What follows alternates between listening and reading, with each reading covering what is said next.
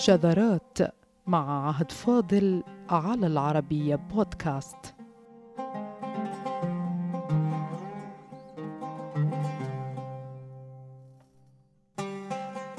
عندما قال بدوي الجبل قصيدته احتفالا بخروج المستعمر الفرنسي من سوريا في سنة ست وأربعين وتسعمائة وألف للميلاد لم يعرف كثير من الناس سبب حضور الأمويين الغزير في تلك القصيدة.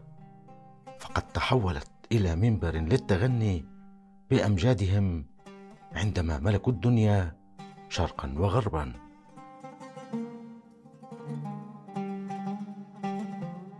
وقارئ قصيدة البدوي يلمح على الفور ذكر بني أمية الذين أسسوا الدولة العربية مترامية الأطراف حتى إنه ليتساءل عن السبب. فالمناسبة عصرية وهي خروج مستعمر محتل من بلد عربي. فلماذا ألح الشاعر على استدعاء الأمويين بتلك الغزارة اللافتة؟ كما لو أن القصيدة هي للتغني بهم أكثر من كونها احتفالا بما عرف لاحقا بالجلاء. في الحقيقة سئل بدوي الجبل واسمه الحقيقي محمد سليمان الأحمد وبدوي الجبل لقبه. سئل عن سبب استدعاء بني أمية في قصيدة لا تفترض وجودهم بهذا الشكل المكثف. وكانت الغاية من السؤال معرفة سبب هذا الربط. هل هو مجرد تغن بأمجاد أكبر دولة عربية عرفها التاريخ؟ أم أن في الأمر سرا ما؟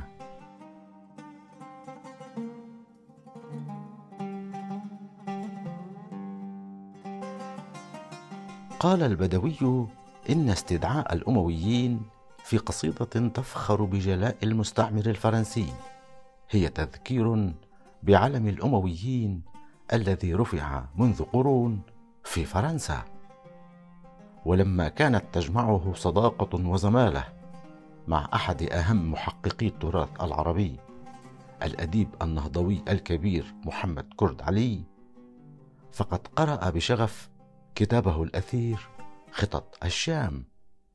وفيه أحد أهم البحوث المعاصرة عن حضارة الأمويين.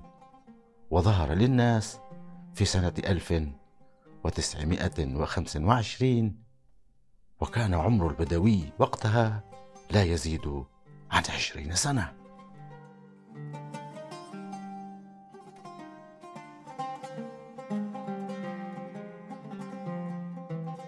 قصيدة البدوي العصماء بكل معنى الكلمة والتي تحولت من تغن بمجد جلاء المستعمر الفرنسي عن سوريا إلى منصة للتغني بأمجاد الأمويين.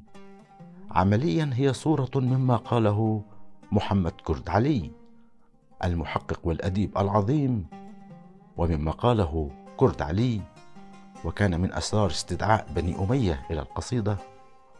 قال كرد علي في خاتمة فصله عن دولة مملكة بني مروان وقد نصب علم الأمويين الأبيض في المشارق والمغارب نصب في الصين كما نصب في بواتيه في فرنسا. هذا إذا سر حضور أعظم حضارة للعرب في قصيدة تتغنى بإخراج الفرنسي من سوريا في سنة ست وأربعين وتسعمائة وألف.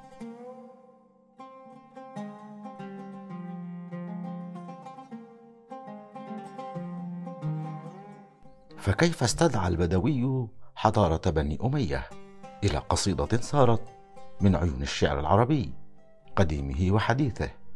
كما أجمع على ذلك كل رواة الأدب الحديث ونقاده بلا استثناء حتى إن كرد علي قد تغنى بقيمة البدوي الشعرية وقامته وأقر له بالفحولة. إلى جانب عمر أبي ريشة وبشار الخوري ومعروف الرصافي وجميل صدق الزهاوي. وقال في كتاب عن ذكرياته القديمة كل قصائد هؤلاء النوابغ مما يرقص ويطرب ويعلم ويهذب.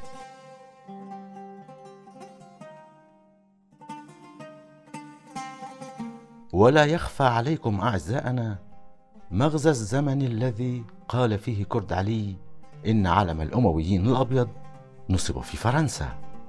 فقد قال ذلك وفرنسا تحتل عاصمة الأمويين دمشق في عشرينيات القرن الماضي وهو المؤرخ والمحقق والأديب واللغوي الذي كان مرجعا لا يشق له غبار كما أجمع عليه أهل القلم العربي. فتلقف البدوي رسالة كرد علي فقال احتفالا بجلاء الفرنسيين عن سوريا. الزغاريد فقد جن الإباء من صفات الريح هذه الكبرياء بأبي العزلاء في غمرتها. آلة الحرب جراح ودماء. بنت مروان اصطفاها ربها. لا يشاء الله إلا ما تشاء.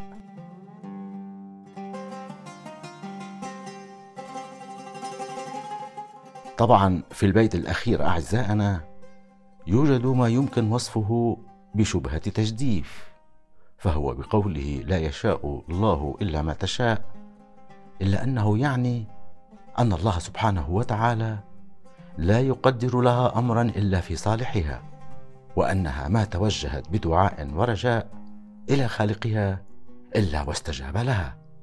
هذا هو المعنى في البيت. فقال لا يشاء الله إلا ما تشاء. ثم يقول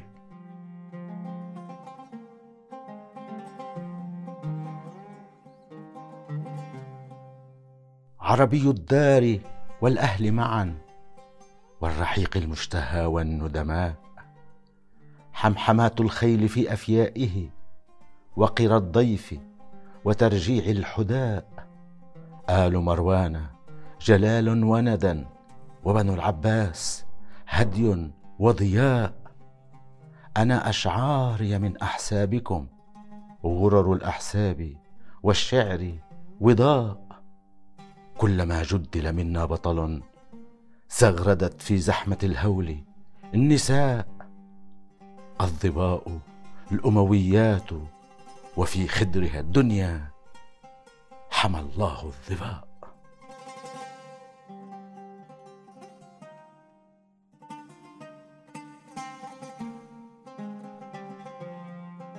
ويستدعي الشاعر ما وصفه بالظباء الأمويات وهي مبطنة تاريخية لأن النساء كان لهن دور في معارك الأمويين خاصة في معاركهم التوسعية الكبرى. وهي مسألة معروفة تاريخيا. من هنا قام الشاعر باستدعائهن مطلقا لقب ظباء أمويات عليهن فيكمل في عصمائه المجيدة.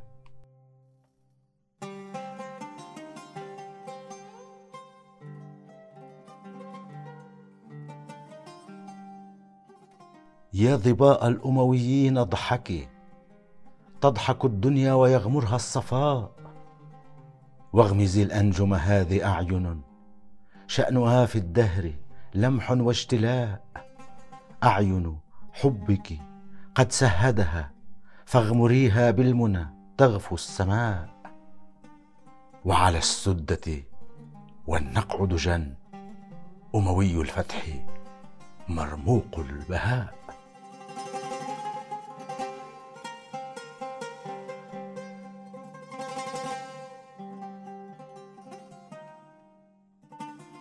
وهنا أيها السادة يخاطب أهل الشام بصفتهم أمويين تماما ففي المقطع الذي يتحدث فيه في عصمائه المجيدة عن قصف تعرضت له غوطة دمشق من قبل الجيش الفرنسي ما أدى إلى مقتل كثير من الناس قال مخاطبا يوسف العظمة وزير الحربية السوري في ذلك الوقت والذي واجه قوات الجيش الفرنسي.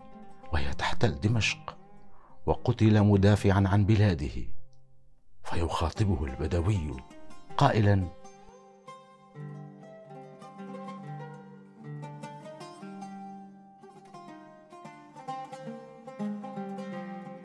كيف أنسى يا زعيمي ليلة؟ عصفت نيرانها بالأبرياء. غوطة الشام جحيم فائر والميادين طعان ورماء. ملك الطاغي الثنايا عنوه واستحر القتل واشتد البلاء. وتجارى الأمويون إلى غمرة الموت وفاز السعداء.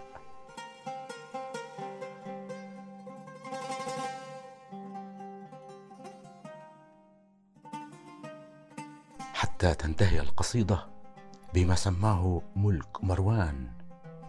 كما لو أن القصيدة عن هذا الإرث الحضاري العظيم فقد امتلأت بأمية والأمويين ومروان والأمويات فيقول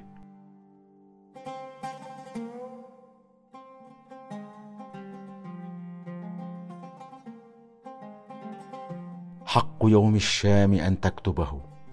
قدرة الله على وجه ذكاء.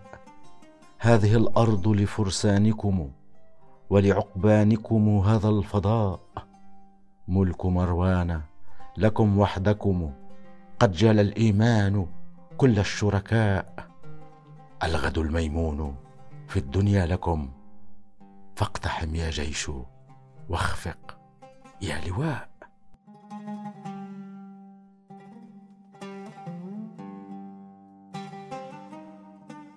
علم الأمويين الأبيض الذي نصب في فرنسا والصين.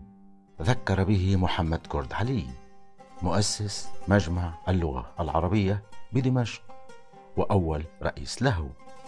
عاد ليرفرف في قصيدة البدوي. وفيما كانت فرنسا تحتل سوريا ذهب كرد علي إلى فرنسا. هل كان يريد الوقوف على مكان نصب علم؟ بني مروان. هناك.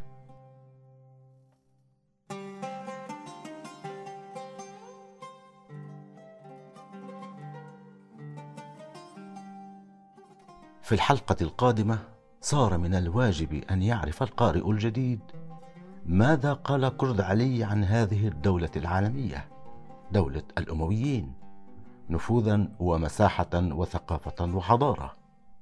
وما قاله في كتابه هو أهم وثيقة حديثة عن واحدة من أهم حضارات العالم. فإلى اللقاء في الحلقة القادمة والسلام عليكم.